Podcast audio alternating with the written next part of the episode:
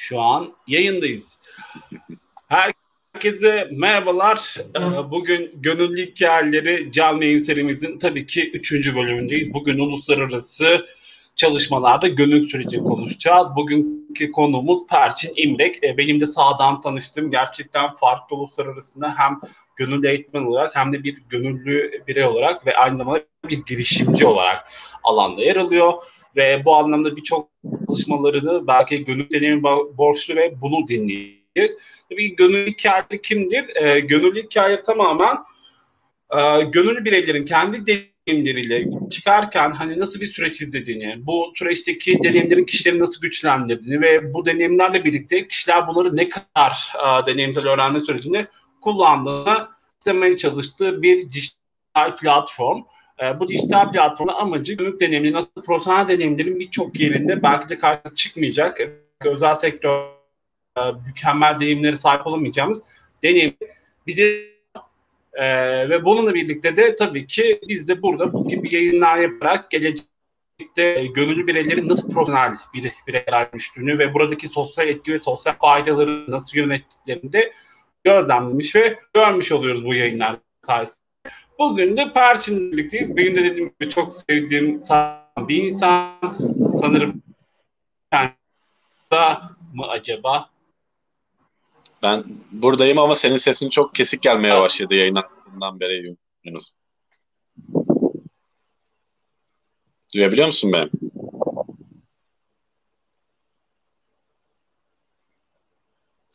Yunus gitti sanırım. Bir tek ben kaldım yayında.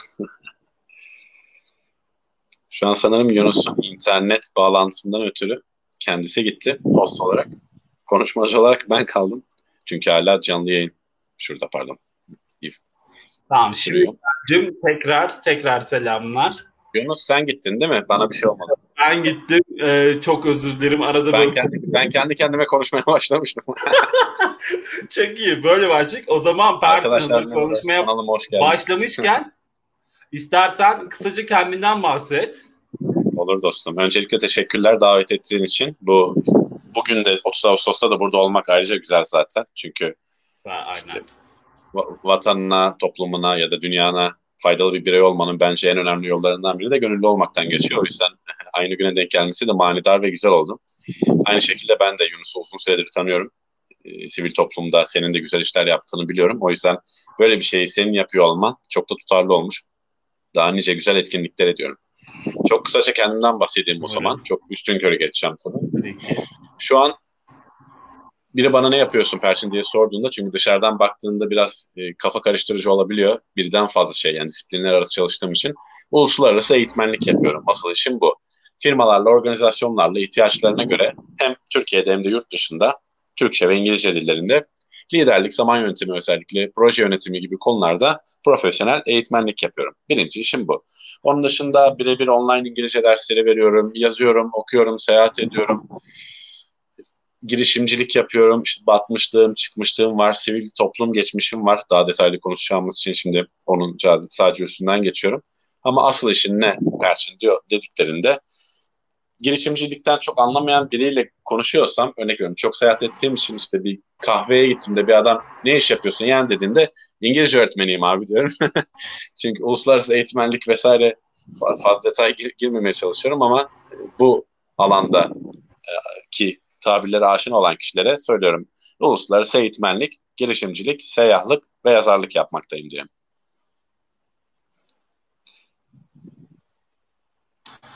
Süper. Benim sesim geliyor mu acaba? Ee, çok çok böyle kesik kesik geliyor. Ee, sen yayını açtıktan Şu an sonra beni bayağı... duyabiliyor musun Perçin? Duyabiliyorum evet. Ama geç geliyor sana.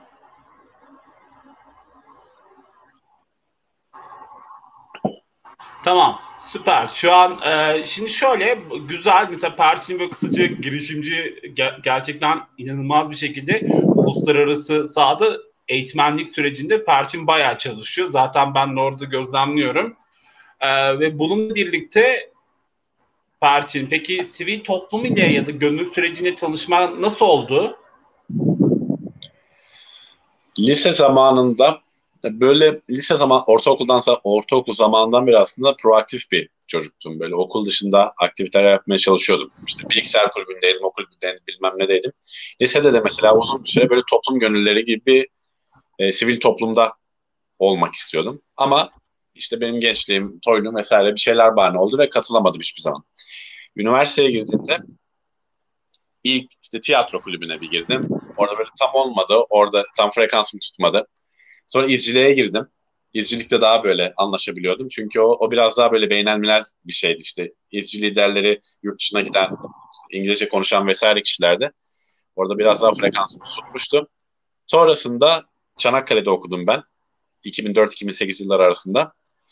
Böyle İngilizce mi çünkü yani lise zamanından itibaren İngilizcesi hep iyi olan biriydim. Buna zamanında çok yatırım yaptım. Yatırımdan kastım vakit ve efor yatırım tabii ki. E, çok uğraştığım için hep böyle İngilizcem genelde yaşlarımda neydi? Sen böyle İngilizce mi kullanabileceğim, işte ailemle birkaç ülkeye gitmiştik sağ olsun. Babamlarla Fransa'ya, ben çocukken İngiltere'ye, bir de annemle dayımın yanına Amerika'ya gitmiştik. E, yurt dışına gidebileceğim, seyahat edebileceğim, ya bunları böyle bulabileceğim bir yol arıyordum. Okul dışında, okul, yurt, yurt, okul olmasın hayatım istiyorum. Sonra çok böyle bir kaderin cilvesi olarak, yani onu sonra merak edersen detaylı da anlatabilirim. Karşıma Avrupa Öğrenciler Forumu diye senin de ismini bildiğin AG European Students Forum isimli bir öğrenci kulübü çıktı. Çanakkale'de yeni kurulmuştu. AG hayatıma girince işte bu İngilizce seyahat, konferanslar vesaire hepsini içinde barındıran bir toplum olduğu için anında ait olduğumu hissettiğim bir yer olduğunu gördüm. Tabii ki ilk başta motivasyon etkenleri biraz daha dediğim gibiydi işte. O İngilizce pratik yaparım, o seyahat ederim vesaire. Hatta ilk Hollanda'ya bir yaz üniversitesine gitmiştim 2004'te. Ama içine girdikçe durumun çok daha bundan ötesi olduğunu ve kendimden daha büyük bir şeye hizmet edebil edebilmem için benim için büyük bir vesile olabileceğini bu organizasyonun keşfettim. Ve 2010 2004'te o yaz üniversitesinden sonra benim için birçok şey değişti. Ve yine detaylı konuşuruz ama 2004'ten 2012'ye kadar bu AG dediğim isimli organizasyonda çok çok çok hem lokal seviyede hem ulusal seviyede hem de uluslararası seviyede çok çok aktif çalıştım. Yani bir 8 senelik ciddi bir sivil toplum geçmişim var ama o 2012'den sonra da senin de bildiğin gibi işte gönüllü iş yapmayı, sivil toplumlarda yer almayı ve kendi sivil toplumu kurmaya varana kadar birçok alanlarda sivil toplum ve gönüllülük bu ikisini ben çok paralel gördüğüm için sivil toplumda diyebiliyorum hep gönüllülük demiyorum. Bir arada götürüyorum. Ama maceram benim 2000 pardon 2004 evet Eylül'de üniversiteye girdim. 2005'te başladı. 2005 yazında da Amsterdam'a 15 günlük bir yaz okuluna gitmemle benim çok büyük gitmem çok büyük bir hayatımda dönüm noktası oldu. Süper. Peki e, bu uluslararası galiba ilk gönüllülük süreci biraz daha ulusal düzeyden yanı sıra uluslararası düzeyde başladığını anlıyorum. Doğru muyum? Hani biraz daha hızlı ve hızlıca farklı ülkelerdeki kültürler arası öğrenme, kültürler arası diyalog çerçevelerine dahil olarak e, başlamak da ayrı bir kazanım oluyor bu süreçte. Ee, peki bu noktada biraz bu bahsettiğin gibi AG'den kapsamını bahsedebilir misin? Mesela buralara nasıl dahil olunuyor ya da bu süreç içerisindeki güncel bilgilere hakim misin acaba? Güncel bilgilere hakim olduğumu iddia edemem ama çok çok değiştiğini de sanmıyorum. Yani az çok gördüğüm kadarıyla hala AG'nin mail listesindeyim ben. Mesela işte orada görüyorum etkinlikleri vesaire. Yani AG'yi direkt soruyorsan AG'nin açılımı Fransızca bir açılımı var aslında. O yüzden A, E, G, E, E diye gidiyor. Ama İngilizcesi European Students Forum, Türkçesi e, Avrupa Öğrenciler Forumu. Amacı ilk Fransa'da kurulmuş, sonra Brüksel'e ana merkezi taşınmış, 15 bin üyesi olan bir Avrupa sivil toplum kuruluşu.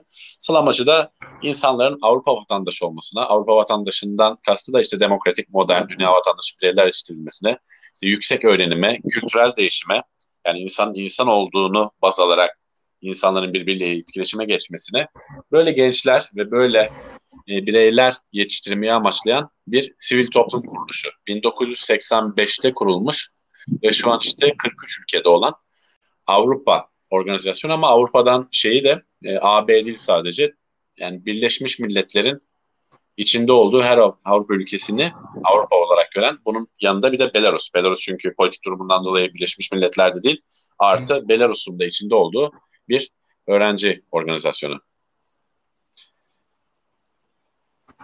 Bunun şey üyeliği de var. Peki ha.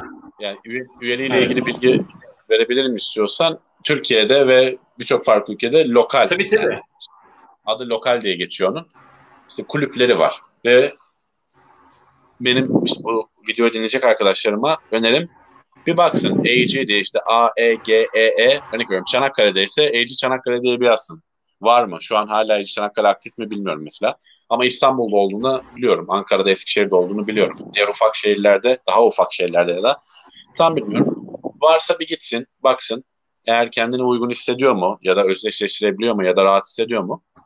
Eğer hissetmiyorsa bir sürü farklı öğrenci kulübü de var. İşte ELSA, EMSA, Isaac, İstek, o şu bu. Benim bir arkadaş, en yakın arkadaşım avukat hukuk okuyordu. İşte o ne zaman daha 2006'da. O benimle EC etkinliklerine bayağı bir geldi ama Elsa'da avukat olduğundan da ötürü daha rahat hissettiğinden dolayı o da Elsa'da inanılmaz aktif oldu çocuk.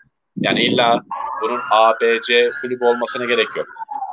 Siz neyde rahat hissediyorsanız ve neyde gelişebileceğinizi düşünüyorsanız ona katılmanızı öneririm. Ama ben her öğrenciye, her gence, herkese bir gönüllülük tecrübesi yaşamasını kesinlikle öneriyorum. Peki bu gibi kurumlar dışında da uluslararası gönüllülük çalışmalarından e, yararlanabilir miyiz? Bilgiciğin böyle bir takım oluşumlar var mı? Çünkü bir yandan da böyle farklı bazı internet sitelerinde Volumeter gibi ya da e, nasıl anlatayım işte gönüllü turizmi gibi işler de var. Yurt dışında belirli kısmi anlamda çalışıyorsun ve karşılığında size yer ve konaklama veriyorlar mesela uluslararası gönüllülük noktasında. Bu gibi çalışmalar hiç duydun mu? Onunla ilgili bildiğim en ana dal site Workaway. Sen de o tarz siteleri soruyorsun değil mi? Aynen Workaway değil mi? Yani başka vardır mutlaka. Ama bu spesifik olarak bildiğim ve en ünlü olan site Workaway. O evet gönül ya gönül bizim burada konuştuğumuz kapsamda gönüllülük değil ama o tabii o. Yani şey işte gidip okullarda öğrencilere ders verin gönüllülüğü değil. Orada şey adam diyor ki benim bir tarlam var. İşte tarlada bana adam lazım ya da kadın lazım. Evet. Onun karşılığında genelde işte bir sıcak yemek, bir işte öğle yemeği, yatak vesaire yani cebinden sıfır para çekecek şey, çıkacak şekilde yaşıyorsun ama işte Kolombiya'da bir tarlada kalabiliyorsun ya da New York'ta evimizde işte çocuğumuza bakacak biri gerekiyor örnek veriyorum ya da kedime bakacak biri. Daha böyle şey fiziksel ya da işte vasıfsız vasıfsızdan kastım küçük görerek bunu söylemiyorum ama yani illa gönüllü ruhu olmasına gerek yok onu işte Workaway tarzı sitelerde yer almak isteyenin. E, o daha çok şey ücretsiz evet. gezmek isteyene bir şey. Ama ben mesela AG dışında şey yapmıştım 2012'de. Hindistan'da biraz gönüllü öğretmen olarak çalışmıştım. E, istiyorsan onunla ilgili detay verebilirim. Süper. Ondan önce şeyi vurgulamak iyi oldu. Bu Workaway ya da AG gibi kurumlar bazen karışabiliyor. Hani burada kendin isteyerek belirli bir ihtiyaçların karşılanması, temel ihtiyaçların karşılanması olarak gittiğin ücretsiz çalıştığın yerler de var. Tabii ki bu gönüllülük değil. Yani çünkü toplumsal bir soruna ya da çözüm getirmek zorundalığın gibi yok. Aslında orada kendi amacın var. Kendini geliştirmek istiyorsun. Biraz uzaklaşmak istiyorsun. Bir nefes almak istiyorsun. Bir değişim. Yani bu da tamamen kişinin seçimleriyle alakalı.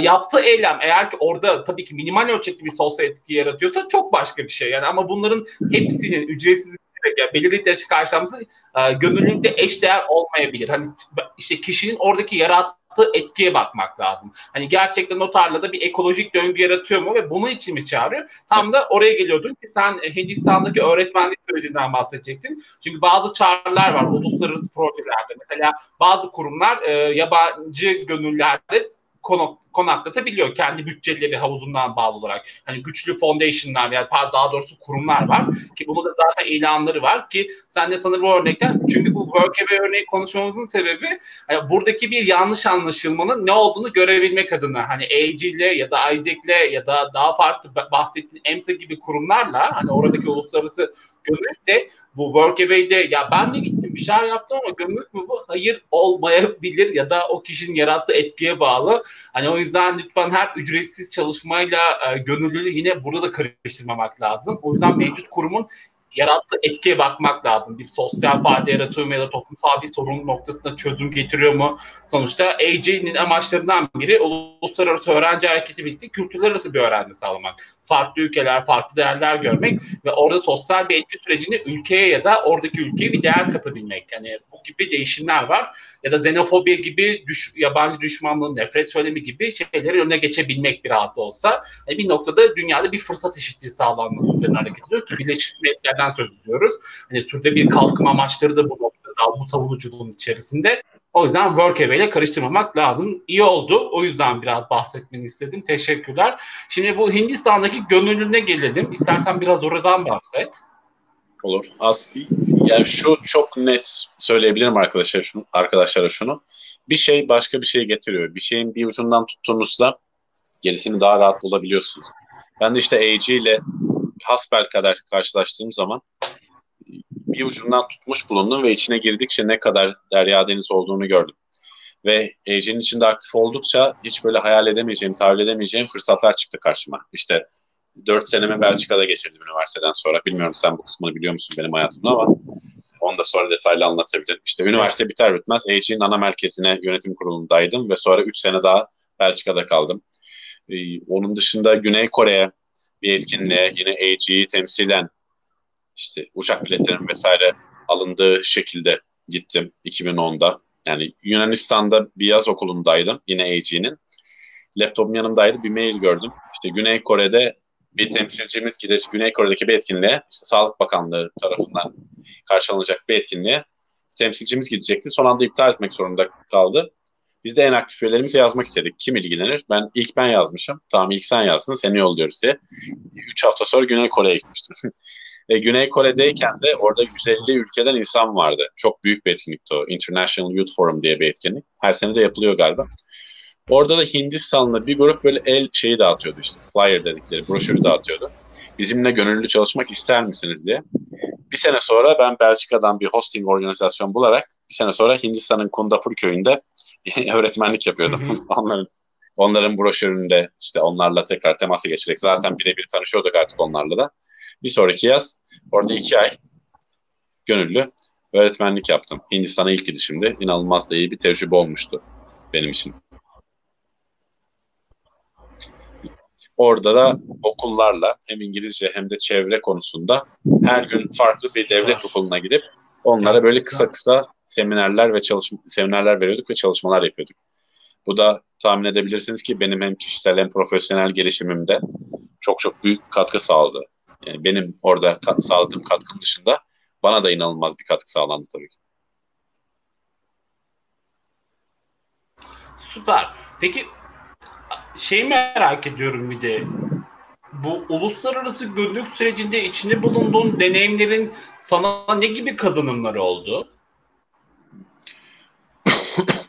Böyle bir sorunun A, B, C, D diye bir cevabı yani böyle bir soruya böyle bir cevap vermek gerçekten zor. Çünkü çok fazla parametrenin olduğu, çok gri alanın olduğu, işte farklı yerlerden kazanımların birbiriyle birleştiği bir cevabı olduğu için buna böyle çok bullet point cevap vermek biraz zor olsa da ilk aklıma gelen şeyler ya benim birey ve profesyonel olarak gerçekten bu dünyaya gelme sebebimi ve kendimden daha büyük bir şey hizmet etme e, motivasyonunu ve amacını sağlamam sağlaman sağlanmasındaki en önemli etken bu işte Avrupa alanında gönüllülük tecrübelerim ve süreçlerim oldu.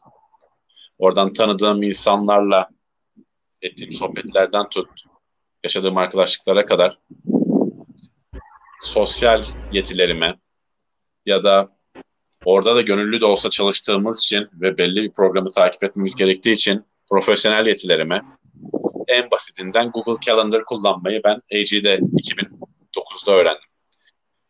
İşte farklı Google dillerde farklı dillerde şerefe nasıl denilir, işte 10 farklı dilde nasıl dil denilir onu AG'de öğrendim gibi. Yani bu ve bunun gibi benim şu anki bireysel hayatımda işte bir erkek arkadaş olarak, bir arkadaş olarak, bir insan olarak vesaire her neyse şu anki olgunluk seviyemde ve şu anki duygusal ve zihinsel e, yatırımımı bu kadar yüksek olmasında ve aynı zamanda da profesyonel alanda işte bu kadar etkili çalışabiliyor olmamı sağlayan en büyük etken o tecrübelerim oldu. Onun bir tane çok spesifik bir örneği var onu anlatayım. 2012 2000'de 13'te bir uluslararası bir kurumda çalıştım. Kurumsal bir tecrübem oldu 6 ay. Sonra bana benim için uygun olmadığını e, görüp ayrıldım ama ve uluslararası bir firma olduğu için bir kere bir eğitim yaptılar ve İspanyol bir e, akademisyen getirdiler. Adamın İngilizcesi çok iyi ama çoğu İspanyol gibi İspanyol aksanlı konuşuyor. İşte mountain demiyor da mountain diyor. Ve o kadar İspanyol arkadaşım oldu ki Ece'de. Ve o kadar İspanyol aksanına İngilizce konuşurken alışkandım ki ben baştan sona adımı çok rahatlıkla dinledim. 20 kişi falandık. Diğer 19 kişiyi arada şey derken gördüm. Ya ne dedi hiçbir şey anlamadık ya hiç belli olmuyor dedi falan şaşırmıştım. Yani orada algının ne kadar farklı olduğunu görmüştüm. Bunun gibi böyle birçok farklı örnekte benim hayatta ya da işimde bir adım önde olmamı çok çok sağladı. En önemli ya da en somut örneklerden biri de İngilizceyi akıcı konuşabiliyor olmak ve bunu profesyonel hayatıma entegre etmiş olabilmek aslında. Çünkü o gerçekten çok büyük rol oynuyor çoğumuzun hayatında. Evet bir de bir yandan da aktif bir konuşmacısın da bu Toastmaster Türkiye e, noktasında aynı zamanda Cambly gibi uygulamalarda ya da daha farklı uygulamalarda ya da danışmanlık e, işte bir eğitim danışmanlık şirketi kurdum biliyorum. Mesela o noktalarda da bu içinde bulunduğum deneyim sayesinde kendini e, biraz daha eğitmenliğin bir tık uzman proaktif eğitmenlik noktasında hani biraz daha pro bono hani dediğimiz var ya profesyonel noktada kendi geliştiğini fark ettiğini görüyorum zaten. Mesela buralara da büyük bir katkısı olduğunu görüyorum. İşte İngilizce hatta öğrencilerin olmaya başladı birçok ülkeden, yerelden sadece yani yerel de değil, farklı şeyler değil, ülkeden de görmeye başladım. İşte onun getirdiği o paylaşmak, belki bunun karşılığında hiçbir şey almıyorsun. Yine tamamen gönüllü olarak yapıyorsun bilmiyorum. Hani böyle bir deneyimsel bir alan yaratıyor sana ve birçok insana da e, farklı farklı motivasyonlar sağlıyorsun. Bu da çok değerli mesela. Kesinlikle, kesinlikle.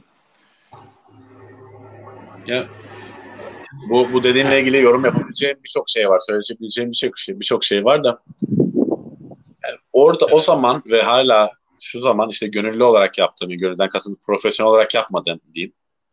Ya buna vakit ayırdığım şeyler ayrıca çünkü hepimiz para kazanmak durumundayız tabii ki ve para güzel bir şey kazanılsın. Milyonlar kazanalım. E, benim işte ilk kurumsaldan ayrıldığımda işte etrafımdan duyduğum eleştiri şeydi. Bu kadar iyi para veren, maaş veren bir yerden neden ayrılıyorsundu? O, orada kazandığımdan çok daha fazla para kazanabiliyor olmam ve bunu çok özgürce yapabiliyor olmamın en büyük etkeni işte o zaman kendime yaptığım yatırımlar oldum. Çünkü o çünkü benim işte girişimcilik alanımda da çok hızlı ve sağlam ilerlememi sağladı. İşte konuşmacılıkta da, eğitmenlikte de, İngilizce öğretmenliğinde de vesaire vesaire. Çünkü o sivil toplumda, gönüllülükte gerçekten çok temel hayat yetileri kazandım. İşte sabırlı olmaktan tut, işte kendini daha çok tanımaktan tut, disiplinli olmaktan tut, işte rezilyant olmaya kadar böyle milyonlarca şey sayabilirim aslında. Ve hepsi böyle sahada öğrenildiği için çok böyle içselleştirilerek ve öz, özdeşleştirilerek öğreniliyor. Yani işte Türkiye'de doğan birinin Türkçesini hiçbir zaman unutmaması gibi bir şekilde bu da benim artık bunlar da benim hücremin bir parçası olduğu için her zaman faydasını görüyorum direkt ya da endirekt yollardan. Ya bu süreç çok değerli çünkü ben de yani dediğim gibi uluslararası çalışmalarda çok farklı deneyimler gördüm. Yani belki de bazen diyordum ki acaba benim dert ettiğim sorunu başka ülkelerdeki insanlarda da aynı derecede dert ediyor mu? Evet ediyor. Ama kendi yerellerindeki farklı yöntemlerle çözmeye çalışıyorlar bunu. Ama aynı sorun yani mesela iklim değişikliği ya da iklim ya da bir tarım alanındaki bu ekolojik dengeyi sağlama yönelik kullandığımız yöntemler. Yani her yerelde farklı bir etkileşim var ve aslında bize de bir noktada bu etkileşimlerde hem uluslararası anlamda da deneyimsel noktada çok farklı metodolojiler de öğretiyor. Hani yaklaşım noktasında. O belki de e, mesela benim ülkemde e, yaşadığım bir sorun var, toplumsal bir sorun var ve ben bunun hukuki mücadelesi ya da savunucu kanalıyla toplumsal mücadelesi noktasındaki verdiğim araçlar yeterli olmayabiliyor. Ama yurt dışındaki bir örneğe baktığımda da birebir içinde olduğum noktalarda uluslararası çalışmalarda işte Erasmus Plus olabilir, AG olabilir ya da Isaac'te gittiğim proje olabilir. Hiç fark etmez. Yani uluslararası çalışmalarda gördüğüm noktada ya bazen farklı yöntemler öğrenebiliyorum. Oradaki doğrudan tabii ki her yöntemi öğrenip ülkeye uyarlayamıyorsun. Orada bir şey e, ortaya çıkıyor. Kültürel farklılıklar, öğrenme eşikleri, insanların alışkanlıkları ve sonra şunu öğreniyorsun. Oradaki yöntemi buradaki yönteme göre nasıl uyarlayabilirim? Yani sonuçta İngilizce herkes aynı seviyede öğrenmiyor ya da yurt dışında diyorsun ki farklı bir öğrenme işi var. Yani benim ülkemde İngilizce şimdi sağdan sola doğru öğrenmiyor. Soldan sağa doğru öğreteyim o zaman diyorsun. Yani farklı bir öğrenme mekaniği geliştirmeye başlıyorsun mesela.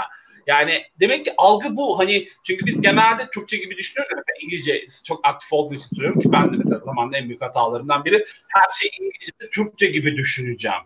Yani anlatabildim mi? O mekanik ya da mesela ekonomi dolayı mesela dolar hani yabancı paranın kullanımı. Şimdi ben harcama yaparken ülkemdeki paraya göre düşünüyorum. Hayır Oradan aldığım parayı oradaki endekse göre düşünmem gerekiyor. Bize sokuyoruz ya bazen kendimizi bu noktalarda. Bu gibi eşikleri de atlatmayı öğreniyorsunuz. Ya da işte o ülkelerdeki yapılan e, bir takım çözüm modellerin insanlardaki o katılımcı ruhu, girişkenliği. Yani işte ya bu çok dezavantajlı ülkelerde de keza öyle. Hani aslında hepimizin bir farkındalık eşiği de yüksek olmayabilir. Herkesin yaklaşımı farklı olabilir. Yani Afrika'daki yaptığım bir çalışmada ya da Kore'de yani her yerin, her bölgenin kendi göre bir dezavantajlı olduğunu öğreniyorsunuz. Yani birinci dünya ülkesi dediğin yerin dahi aslında büyük bir dezavantajlıklar ülkesi olabildiğini de farkına varabiliyorsun. Yani her şey göründüğü gibi dışarıdan da olmayabiliyor ve kendi yerine döndüğünde de ülkene döndüğünde bunun üzerine daha farklı çalışmaya başlıyorsun. Bu da önemli bir nokta. O yüzden valla yani buralardan bir şekilde görmek değerli. Ee, bununla birlikte şey sormak istiyorum aslında. Tam da böyle biraz bahsettin aslında. Ee, senin az çok biraz bize de bu kazanımlarını birlikte sahaya sağladığın deneyimlerin de var. Mesela hiç fark ettin mi? Mesela sivil toplum alanında öğrendiğin o deneyimlerini bugün e, sahaya nasıl katkılar sağladığını düşünüyorsun? Hani şey gibi mesela çok girişimci olarak para kazanıyoruz ya ama hani derdimiz her zaman para odaklı tabii ki de para odaklı çalışabiliriz ama hani bu senin sosyal etki yaratmayacağın anlamına gelmiyor. Yani o elde ettiğin kazanımını nasıl bir sosyal etki dönüştüreceğin noktasında ne gibi e, endeksler yakaladın ya da var mı böyle düşündüğün ya da o işte bir takım profesyonel ölçekte ya ben bir yandan kazanırım ama bir yandan da aslında bunu gönüllü olarak bazı insanlara sağladığım dediğin etkinlikler yapıyor musun mesela? Bunun cevabını bildiğin sorular soruyorsun. Evet yapıyorum. Senin de bildiğin gibi zaten şeyden konuşmadan önce konuşmuştuk. E, bir süre sonra şöyle oluyor zaten Yunus senin de dediğin gibi. O o kadar kaslaşıyor ki ne yaparsan yap işte profesyonel anlamda para kazanmak istiyorsun ve bunda hiçbir sakınca yok. Bu arada ikisinin ayrı zıt şeyler olmasına da gerek yok. Çok iyi para da kazanabilirsin. Milyar dolarlar da kazan. Yani illa 10 bin, 20 bin de kazanmana gerek yok. Ama aynı zamanda inanılmaz bir sosyal etki de yaratabilirsin. İşte Elon Musk sanıyorum. O kaslaştıktan sonra zaten hep ikisini de düşünüyorsun. Yani ben bundan sadece ne kadar para kazanırım diye düşünmüyorsun. Hatta öyle düşünmeyince ve ben kendimden daha büyük bir şeye nasıl hizmet edebilirim ile başlayınca aslında o zaman geri kalanı da çok daha güzel geliyor zaten. İşte parası da geliyor, popülaritesi de geliyor, insanlar sana saygı duyuyor, o da oluyor, bu da oluyor. Ve bunlar çok daha böyle güzel akışta ve sindirilmiş hallerde geliyor. Senin bu benim bu kurumsal, kurumsal e, tecrübemden sonra hayatta neyi istemediğimi 2005'ten 2012'ye kadar sivil toplum, işte arada seyahatler, onlar bunlar, Belçika yüksek lisans, o şu bu.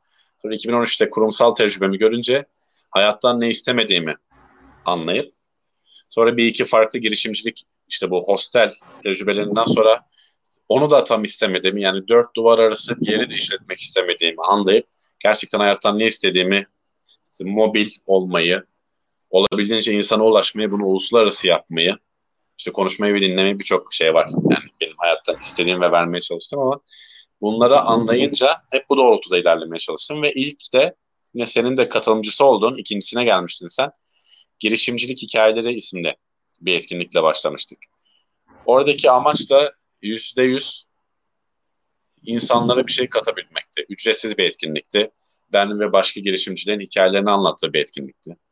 Ve ondan biz bir 40-50 tane yaptık. Sonra Ankara, İzmir, Antep, Diyarbakır gibi yerlerde yaptık. Sonra Londra, e, Yeni Delhi, Katmandu, e, Buenos Aires gibi yerlerde yaptık. Benim etrafıma inanılmaz bir güzel, inanılmaz güzel bir komünite toplayan bir etkinlik olmuştu. Mesela bu bir örnek. Bunun dışında 20, 20 tane daha örnek sayabilirim. İşte Bosphorus Storyhouse, Natively Learn to Learn English YouTube kanalı, kitaplar, Zartürk. Ama bir tanesinin üzerinden gidelim. Orada bak hem Birincisi çok güzel insanlarla tanıştım senin gibi. İşte sen o ikinci etkinliğe gelmiştin hatırlıyorum çok spesifik. Şeyde Koç e, K-Works'teki 2000, 2016'da.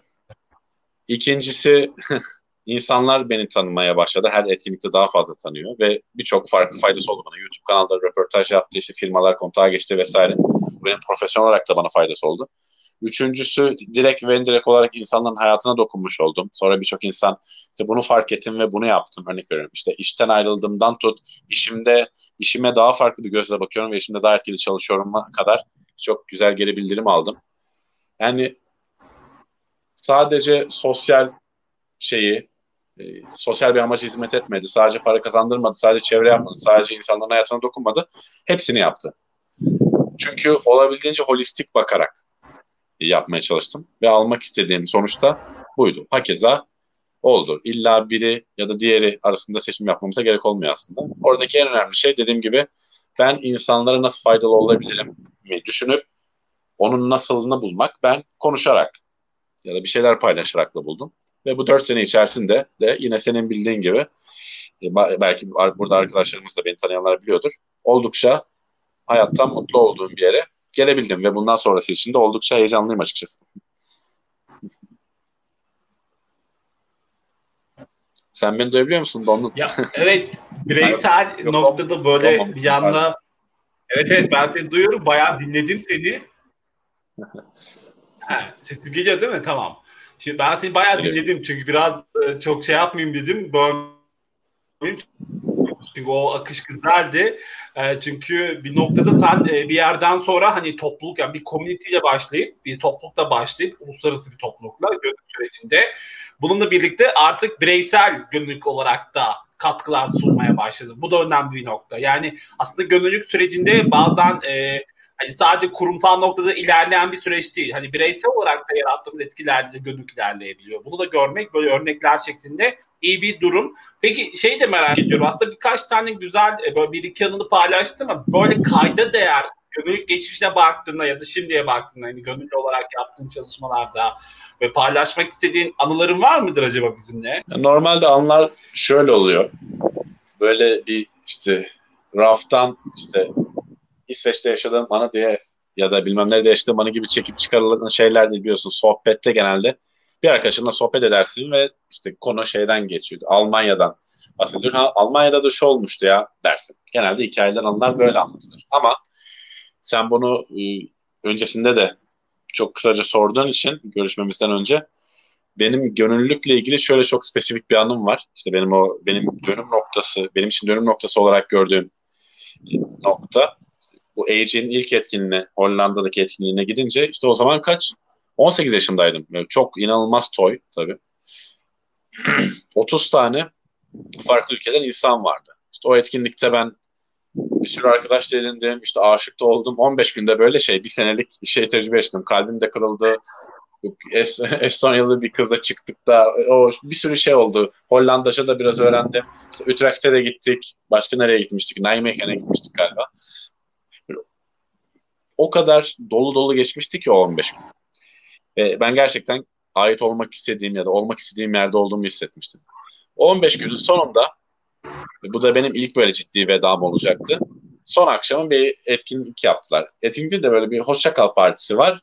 İşte herkes artık vedalaşıyor. Bir, bir gün sonra herkes uçağa binecek. Memleketlere döneceğiz. Şey yapmışlardı o çok güzeldi. Herkesin ismiyle bir zar. İşte Perçin, Yunus, Jessica, Joshua. Ve oraya böyle ufak notlar yazıp herkes not yazmak istediği kişilere senin bir zarfın var ve oradaki arkadaşlar sana yazıyor. Yunus seni çok özleyeceğiz. Yunus işte içtiğimiz sangria çok lezzetliydi. Yunus sohbetimiz çok iyiydi vesaire böyle. Herkesten şey geliyor ufak ufak notlar geliyor. O etkinlikte de bir Hollandalı çocuk vardı. İşte şeyli ama Kolombiya kökenli yani Latin bir çocuktu. O yüzden ikisi de vardı onda işte Hollanda ciddiyeti ve Latin rahatlığı da vardı. Ve çocuk böyle şey gibiydi. Bilgili bilgi bay, bilgin baykuş gibiydi. yani hep böyle mantıklı şeyler hayatla ilgili bana söylerdi. Ve ben hep ona danışırdım o 15 günde. O bana bir mesaj yazmıştı böyle çok kısa. O beni çok etkilemişti. Şey demişti. Şimdi 15 günün hayatını ne kadar dönüştürebileceğini gördün gibi bir mesaj yazmıştı. orada hakikaten yani zamanın zamanın niteliğinin niceliğinin değil niteliğinin ne kadar önemli olduğunu, işte doğru frekanstaki insanlarla olmanın ne kadar önemli olduğunu, kendini rahat ve ait hissettiğin yerlerde olmanın ne kadar önemli olduğunu anlamıştım ve o benim için büyük bir kırılma noktası olmuştu. Ve ondan sonra işte senin bu sorduğun soruya cevap olabilecek muhtemelen 10 binden fazla anı yaşayabilmiştim. Mesela bir tane daha spesifik örnek vereyim. Hindistan'dan geçmişti konu. Hindistan'da yine bir devlet okulunda eğitim verirken ya buradaki devlet okulları gibi düşünmeyin. İşte elektriği, suyu vesaire olmayabiliyor. Ya biz buradakilerden şikayetçiyiz. Orada işte bir köydeki devlet okulunda vesaire bildiğin Age of Empires'ta yaptıkları tahtadan kulübe gibi. Ve Hindistan'da muson döneminde gitmiştim ben. Güney Hindistan'daydım. İnanılmaz yağmur yağıyor sürekli. Bir okulda bir sınıfta ders vereceğiz. E, elektrik yok. Panjurlar var. Panjurları açarsak içeriye inanılmaz yağmur giriyor. Kaparsak ışık olmuyor içeride. böyle dilemmalarla şeyimiz geçmişti. Tüm Hindistan böyle geçmişti. Böyle zorluklarla. İşte bunları görmek ve bunun gibi şeyleri yaşamak hakikaten insanın adaptasyon yeteneğini, durumlara kendini uyarlama yeteneğini, değişimin dışarıdan değil de içeriden ol, ol, olduğu gerçeğini gibi birçok öğreti sunuyor. Ve bunlar didaktik de olmuyor. Yaşanılan deneyimler olduğu için zaman çok çok daha değerli oluyor. Bugün o barikalı olan ülkenin teknolojik anlamda yazı anlamda ne kadar da önde olduğunu da biliyoruz. Hani özellikle yapay zeka noktasında da çok hızlı ilerleyen bir üçüncü dünya ülkesinden söz ediyoruz. Belki ikinci dünya ülkesi diyebiliriz yani bu noktada. Büyük bir yani hem üretim noktasında tabii ki de büyük fırsat eşitsizliği var. Hani şöyle tabii ki uluslararası çapta bu gibi dezavantajlı, yani dezavantajlı dezavantajlı olduğunu görmek döndüğümüz yerellerde de ülkemizde bu süreçte daha da nasıl mücadele etmemiz noktasının daha da kritik noktalarıyla hesaplamamızı sağlıyor. Yani çünkü bir köy okuluna yapacağımız yardımın neden o yardımın e, işte tespitinin yapılması, çocukların ihtiyaçlarının giderilmesi, işte ayakkabısından tut da alacağı kitaba kadar ona yönelik çocuktan birebir de o ihtiyacı teyit ederek almanın ve doğru bir sosyal yatırımın yapılması, işte ihtiyaç analizinin yapılması ve buna yönelik bir çözüm modeli geliştirilmesi gibi noktaları da daha da iyi görmemizi sağladı. Mesela benim e, yine senin gibi e, öğretmen olan arkadaşlarım vardı. Afrika'daki projelere gidiyorlardı. İşte birçok farklı kurumların işte kuyu açmak için ya da eğitim vermek için ya da doktor arkadaşlarım vardı.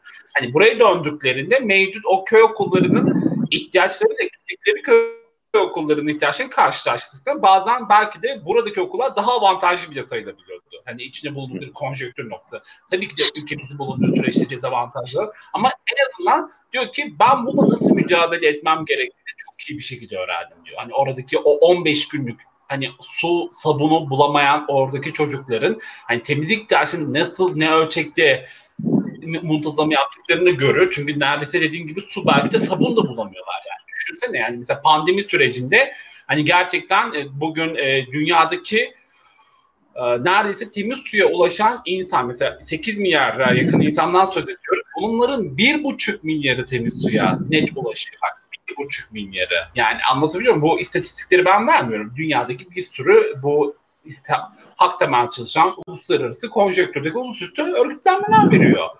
Yani Dünya Sağlık Örgütü veriyor. Şimdi bu noktaya baktığınızda işte temiz suya erişimden tutup temizlik ürünlerine erişim ki mesela Covid-19 yayılmasının en büyük sebeplerinden biri belki bugün önüne geçinememenin sebebi bunlardan birisi. Yani bugün durmadan bir şey kim öle kim ölürse ölür kalan sağlar bizimdir hareket etmesinin bazı ülkeler bu şekilde hareket ediyor belki de. Hani o koyun bağışıklık, tür bağışıklık kazanmak vesaire. Çünkü ihtiyaçta karşılayabilecek alt metin yok. Ve o yüzden de onu nasıl yönetebileceğimizin de ölçeklendirmesini öğrenmek güzel bir deneyim ki zaten bunu da uyarladıkça hani o çocuklarla ilgili bu alanın güçlendirilmesi belki oradaki sürdürülebilirliği sağlayan şey de bu. Hani topluluk olarak hareket ediyor oradaki insanlar. Yani gerçekten bir community var. Gerçekten bir image usulü var. Ve herkes kendi ihtiyaçları noktasında ayrıştırmadan hareket ederek bugün Hindistan bugünkü bulunduğu noktaya gelmiş olabilir. Ya da Çin'den de söz edelim. Tabii ki de çok büyük dezavantajlıklar var. Ancak yine de o dezavantajlıklar insanlara farklı bir mücadele ortamı sağlıyor. Belki bu mücadele olmasa bugün çok büyük hak savunucundan da söz etmeyecektik. Yani bazı yeri kabul etmek zorunda kalacaktık. Çünkü mükemmel bir ülke olduğu için ya sal gitsin diyecektik ama bazen bu durumlarda bize bir takım şeylere daha iyi bir mücadele alanı sağlıyor. Peki tabii. bir sorum daha var tabii ki bu noktada. Eğer senin bir yorumun yoksa. Yok. O zaman soruyorum.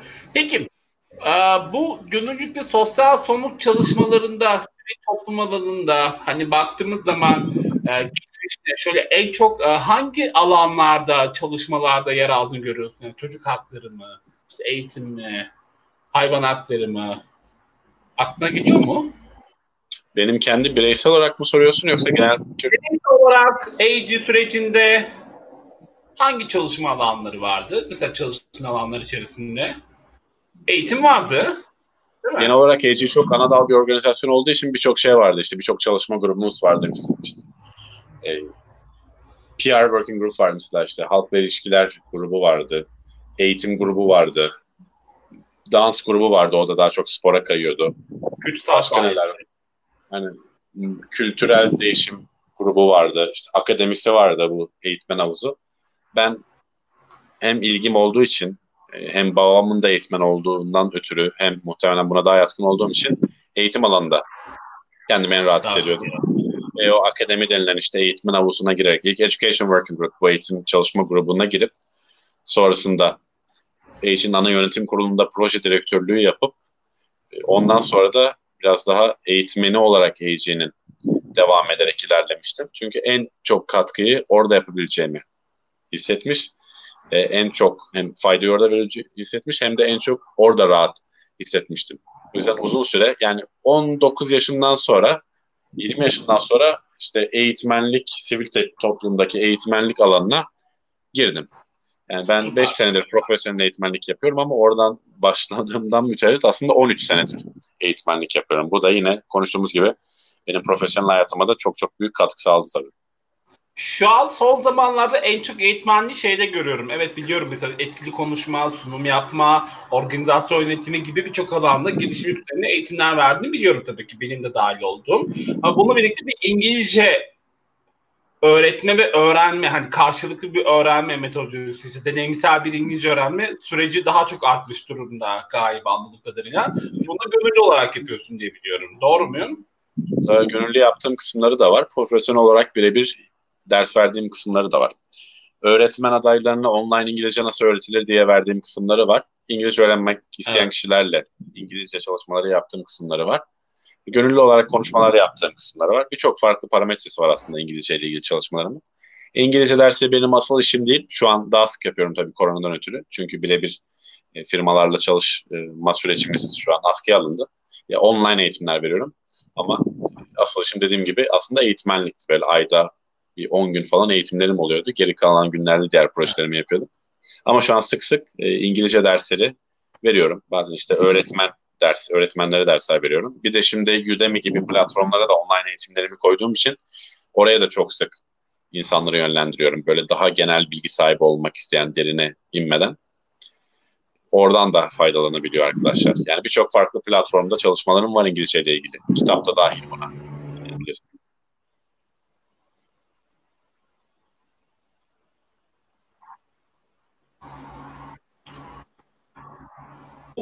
Bayağı Ondan iyi. Şimdi... Bayağı iyi yani fazla iyi çünkü buradaki dediğim Ha, şimdi geldin mi? Süper. Şimdi bu bayağı iyi bir süreç. Çünkü benim en çok heyecanlandığım bu uluslararası gönüllülük sürecinde mesela hepimizin en büyük şey e, soruyor işte İngilizce biliyor musun? Derdimi anlatacak kadar derdi ne İngilizce bilmemek yani olay biraz Cem Yılmaz esprisi döndüğü o kadar çok durumlar oluyor ki ama halbuki bu olay böyle bir durum değil. Yani Cem Yılmaz esprisi böyle konu olabilecek kadar durumda bahatlıyız. Çünkü Türkiye'de gerçekten iyi bir konuşan e, tayfa var ve sadece mesele bunu e, bir alışkanlıkla cesaret edebilme. Mesela sen ondan bahsediyorsun yani sürekli bir süreci daha girişken olma durumu.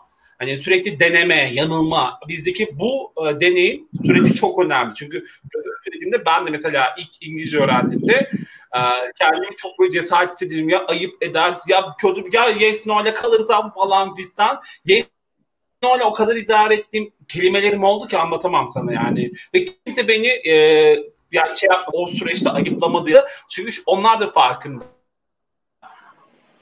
Bizim de ülkemizde İngilizce bilmeyen insanlar var. Hani sadece özellikle İtalya'da ya da İspanya'da karşılaştığım ve dediğin gibi bazen çok iyi İngilizce konuşup aksandan dolayı belki de hiç anlaşılmayan insanlar onlar da o dertten muzdarip mesela gibi. Ve bazen mesela biz anlayabiliyorduk şaşırıyorlardı çünkü bizi anlıyorsunuz güzel.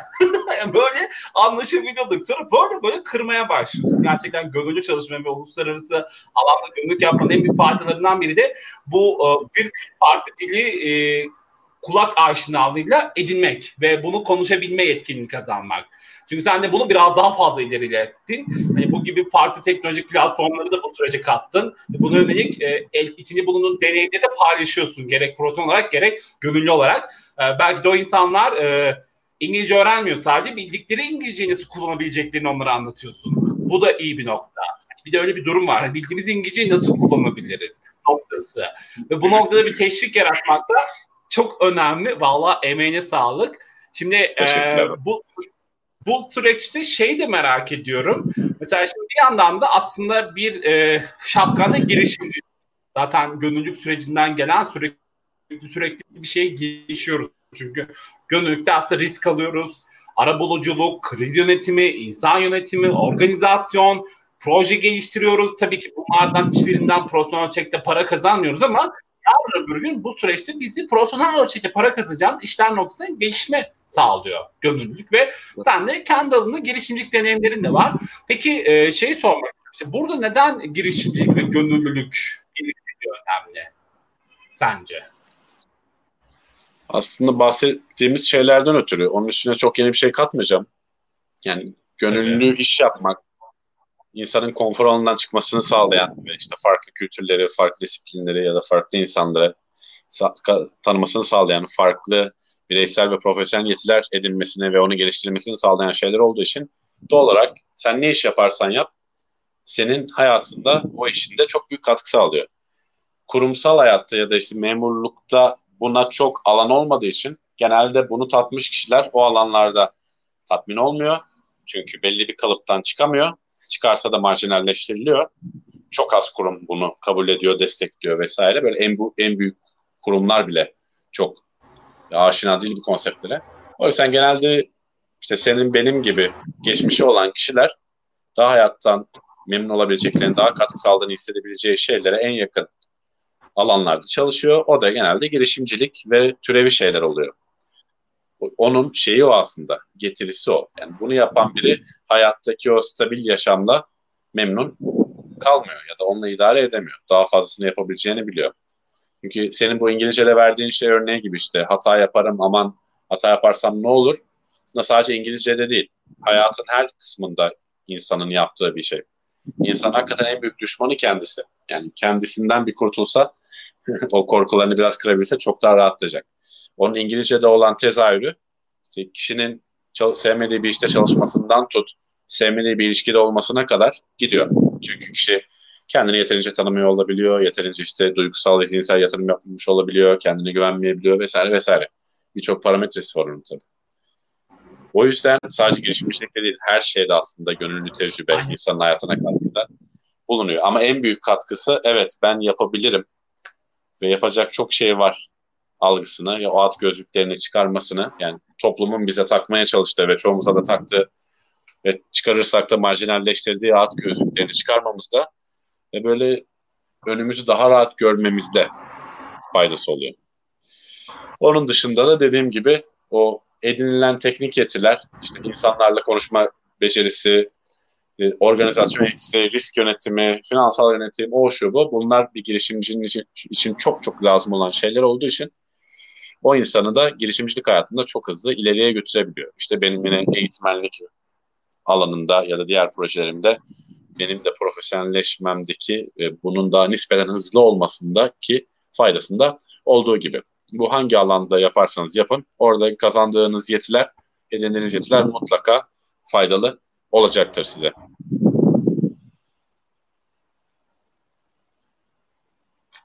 Aynen süper. Bir yandan ne küçük e, mesela dediklerine en güzel eklemeler yapacak olursam mesela bu süreç içerisinde girişimci olarak da hani bir yandan ticari bir fayda güderken de sosyal yaratabileceğini fark ediyorsun. İşte ürettiğin ürettiğin üründe doğal dost ürünler tasarlayabiliyorsun gibi bir farkındalık da oluşmaya başlıyor.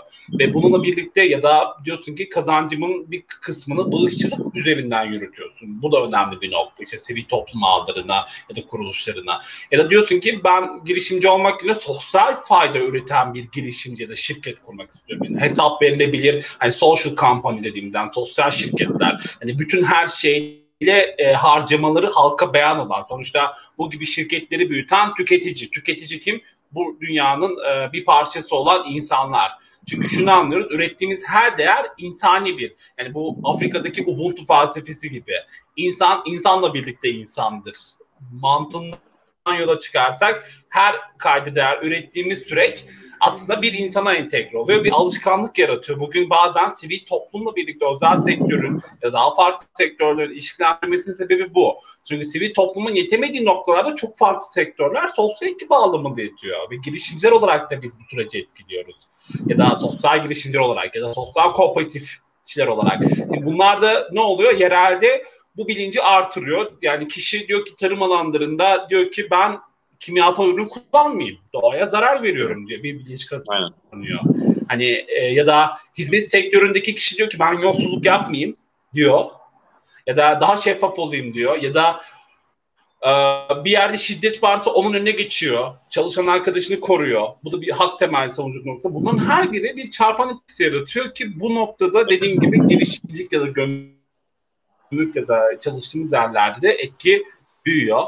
Ee, ve tabii ki buraya kadar bahsettiğim şeyle birlikte şeyden de söylememiz gerekiyor. Bizim bu bir gönüllü hikayesi yola çıktığımız yayınlarımız var işte. Tam da bu seriden birisi. Şu an üçüncü bölümünü yapıyoruz.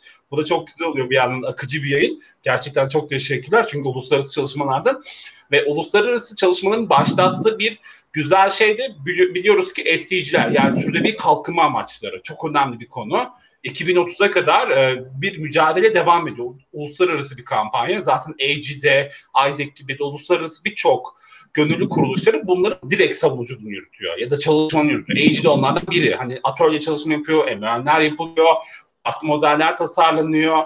İşte e, ve bu noktada e, tabii ki Perçin'in de içinde bulunduğu bu gönüllülük süreci biz biraz araştırdığımızda iki tane en önemli noktalardan biri olan dördüncü amaç ile onuncu amacı destekliyor. Bunlardan birisi nitelikli eğitim.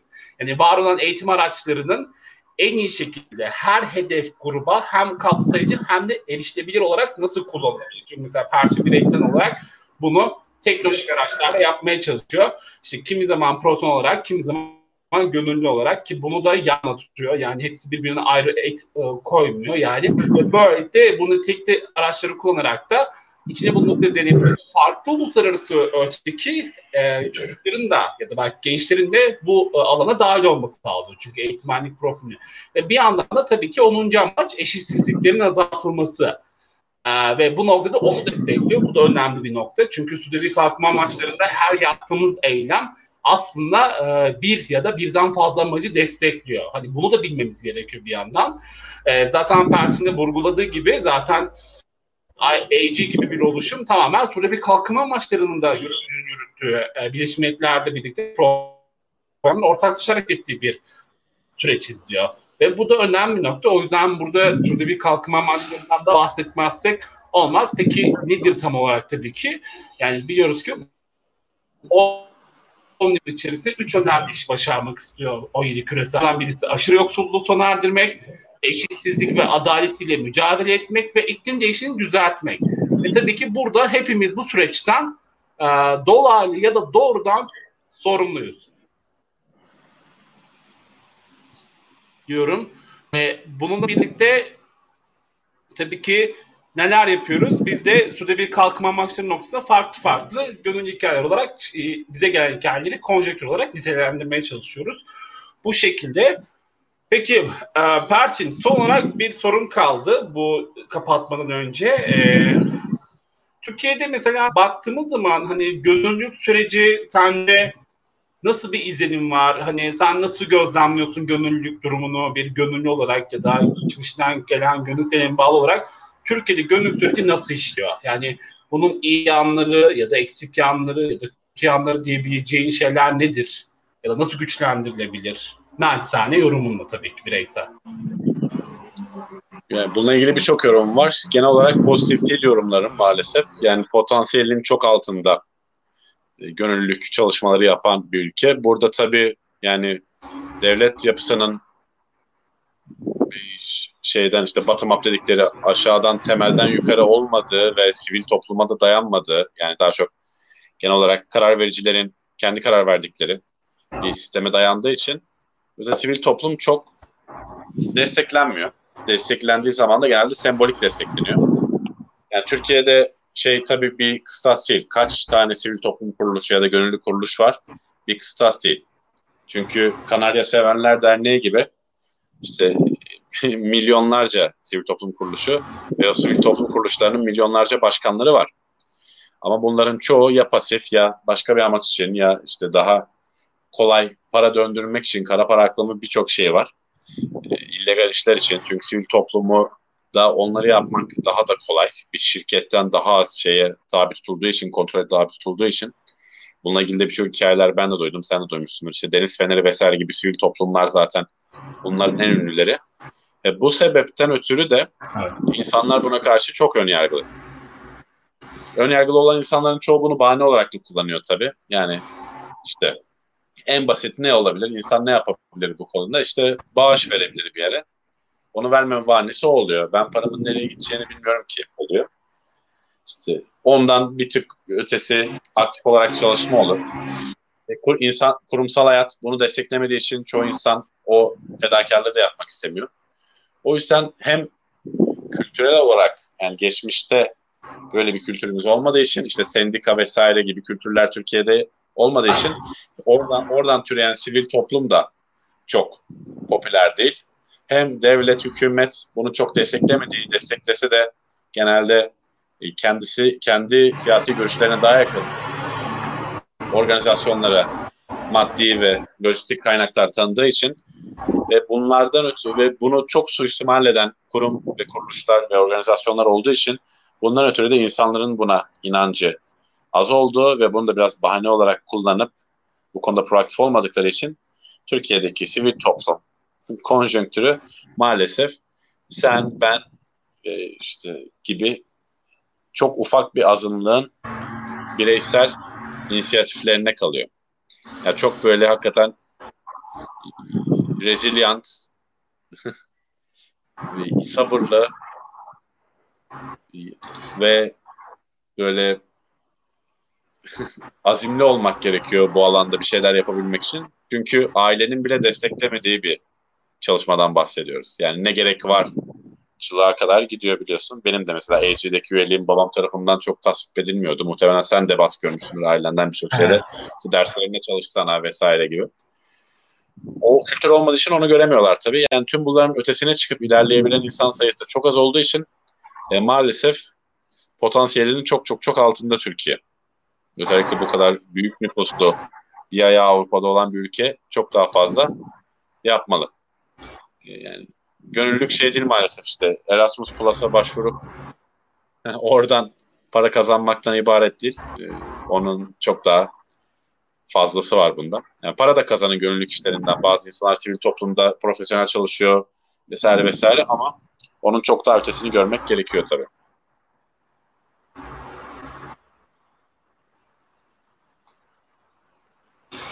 Tabii yani Erasmus Plus gibi programların çıkış amacı bu değil. Hani e, evet derneklere belirli bir bütçe kazanımı var ama bu bütçeyi proje harcamakla alakalı bir durum. Ya da oraya gelen gönüllü ihtiyaçları temel en öncelikli durum bu. Hani çünkü sen ona göre bir bütçe kalemi çıkartıyorsun. Ama şimdi bütçede ya da projede sunduğun bir takım imkanların ötesinde o imkanları sağlamadığın noktada tabii ki Erasmus Plus gibi programlar bunu denetliyor.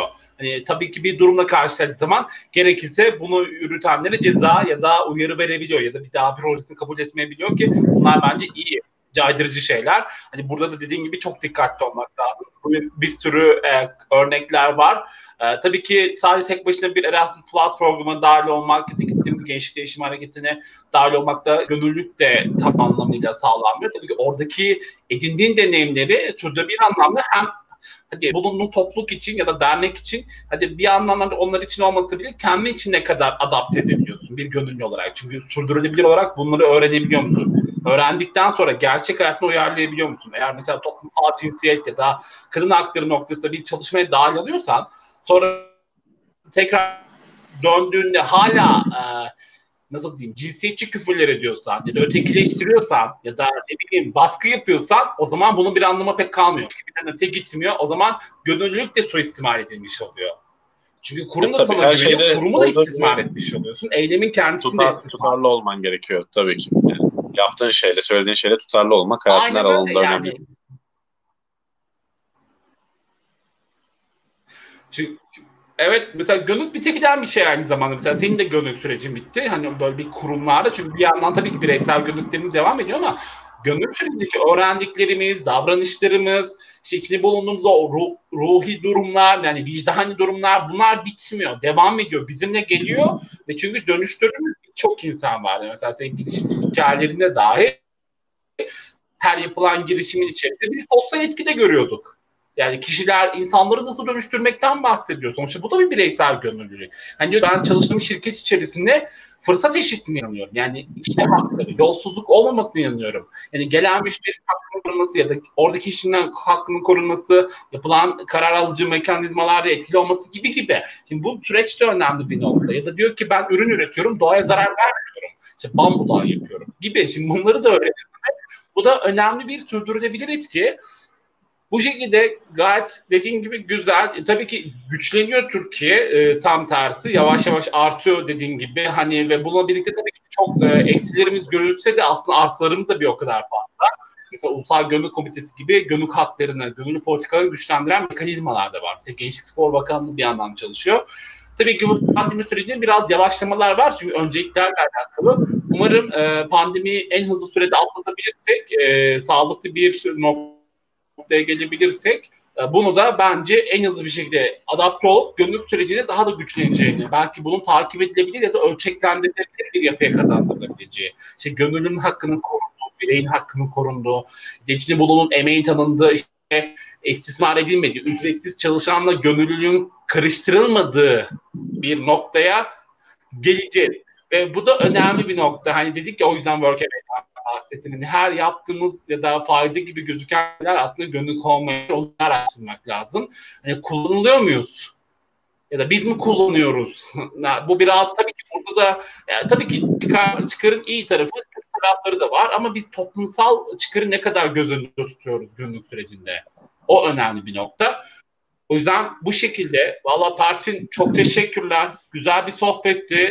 Neredeyse bir saat oldu oldu ve akıcı da oluyor. Daha böyle çok konuşmayı seven iki kişi olunca baya baya konuşuyoruz. Ee, o yüzden bir yandan da çok teşekkürler. O zaman son olarak şey şey paylaşmak istersin belki. Ee, bizi dinleyen hem oradan izleyecek olan e, gönüllü adayları veya gönüllüler için neler söylemek istersin? Herkesin en başta dediğim gibi herkesin gönüllülük tecrübesi yaşamasının çok önemli olduğunu düşünüyorum. Yani bir insan hayatında yapması gereken gerçekten gereken şeyler var. Seyahat etmek, yurt dışında yaşamak ya da kendi ayakları üzerinde durmak, e, dil öğrenmek, yani en azından belli bir hayat kalitesini tutturmak istiyorsan ve gönüllülük yapmak da bunlardan biri. Ama bundan kastım sadece işte Workaway'de ya da bir firmada stajyerlik olmak zorunda değil. Bir kendinden daha büyük bir amaca hizmet ettiğini gittiği için bu dünyaya geldiğini ona hissettirecek bir şey yapıyor olmak. Onun nasılı yani hangi organizasyon, hangi kulüp vesaire tamamen kişinin kendi tercihi ve isteklerine göre değişebilir tabii ki. Coğrafi lokasyonu vesaire.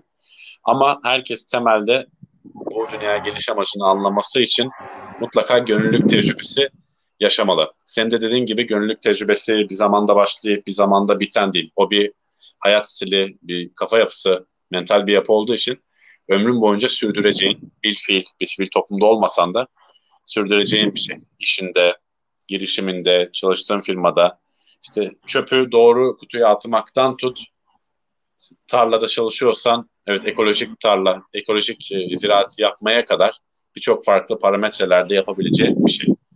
O yüzden insanın hem kendi kişisel hem de profesyonel hayatında iyi bir kalite tutturması için hem de bu geldiği dünyayı kısa kaldığımız bu dünyayı güzelleştirerek bu dünyada durup sonra gitmesi için gönüllülük yapması bence çok çok elzem. Bunu lüks ya da ekstra olarak görmektense yani insanın bu dünyaya geliş amacını anlaması için yapacağı, yapması gereken, atması gereken bir adım olduğunu anlamaları insanları çok daha dediğim gibi varoluş sebeplerini anlamalarına vesile olacaktır. Aynen öyle. Vallahi çok teşekkürler. Bir yandan böyle güzel mesajlarla da uğurlamak iyi oldu. Tabii ki bu noktada tam da pertinediklerin ek olarak da eğer böyle bir döngüye inanıyorsanız bizimle her zaman e, gönüllülük deneyimine önem verdiğiniz platform olarak gönüllülük kendinizi paylaşabilirsiniz. Gönüllülükhikaye.org üzerinden belki bir günde perçimizle bu çalışmalardaki gönüllülük deneyimlerini bizimle hikaye olarak paylaşmak ister. Öyle bir davet edelim tabii ki. Bu da gönüllülük esası tabii ki paylaşmak. O yüzden her zaman dediğimiz gibi paylaştıkça çoğalan hikayeler gibi bir formatla çıktık. Ve gerçekten böyle farklı deneyimleri dinlemek, e, tanık olmak, özellikle çevreden ya da e, yakınımızdaki insanları bu gibi platformlarda görmek bizi çok heyecanlandırıyor. Ve sonrasında başka bir seyir alıyoruz. Umarım buradaki heyecanlar ya da buradaki deneyimler birçok insana ulaşır da e, dediğim gibi birçok yerde daha, daha da sürdürülebilir gönül anlayışları oluşur diyelim. Çok teşekkürler Perçin. E, son olarak ben diyeceğim bir şey yoksa artık sona geldik. Tabii ki bu noktada da eğer soru varsa e, bizi izleyenler soru sorabilir yorumlardan. Ya da sonrası sonra izleyenler Sonradan bana da, da bize ulaştırıp sorularınızı biz de oradan Perçin'e itip sonradan mail yoluyla size de Evet, seve Perçin seve. İmrek e, Instagram sayfasından ya da Facebook'tan da ulaşabilirsiniz Perçin'e. E, Birçok zaten Bosphorus Stories e, sonrasında Udemy'den de ulaşabilirsiniz. Böyle girişimcilik hikayeleri duruyorsa oradan da denk gelirseniz yine Perçin'e ulaşabilirsiniz. E, Birçok yerden ulaşabileceğiniz kanallar var. E, bir anda aradığınız... Ya, evet. Aynen perçinimrek.f bir şey vardı. F nokta gibi bir şey. Oradan da Perçin her zaman ulaşabilirsiniz. Hani bu konuda nasıl yürütebiliriz, nasıl daha önce deneyimler kazandığın üzerine güzel bir nokta olur. Halde e, tekrar teşekkürler. Bize zaman ayırdın e, ve bu çok değerli. İyi ki varsın. O zaman görüşmek üzere. Vardı dostum. Teşekkür ediyorum. Ee, senin de ağzına sağlık. Yüreğine sağlık. Görüşmek üzere. Daha nice projeleri birlikte yapmak dileğiyle. Kendine iyi bak. Görüşürüz nice proje. Çok teşekkürler. Kendine çok iyi bak.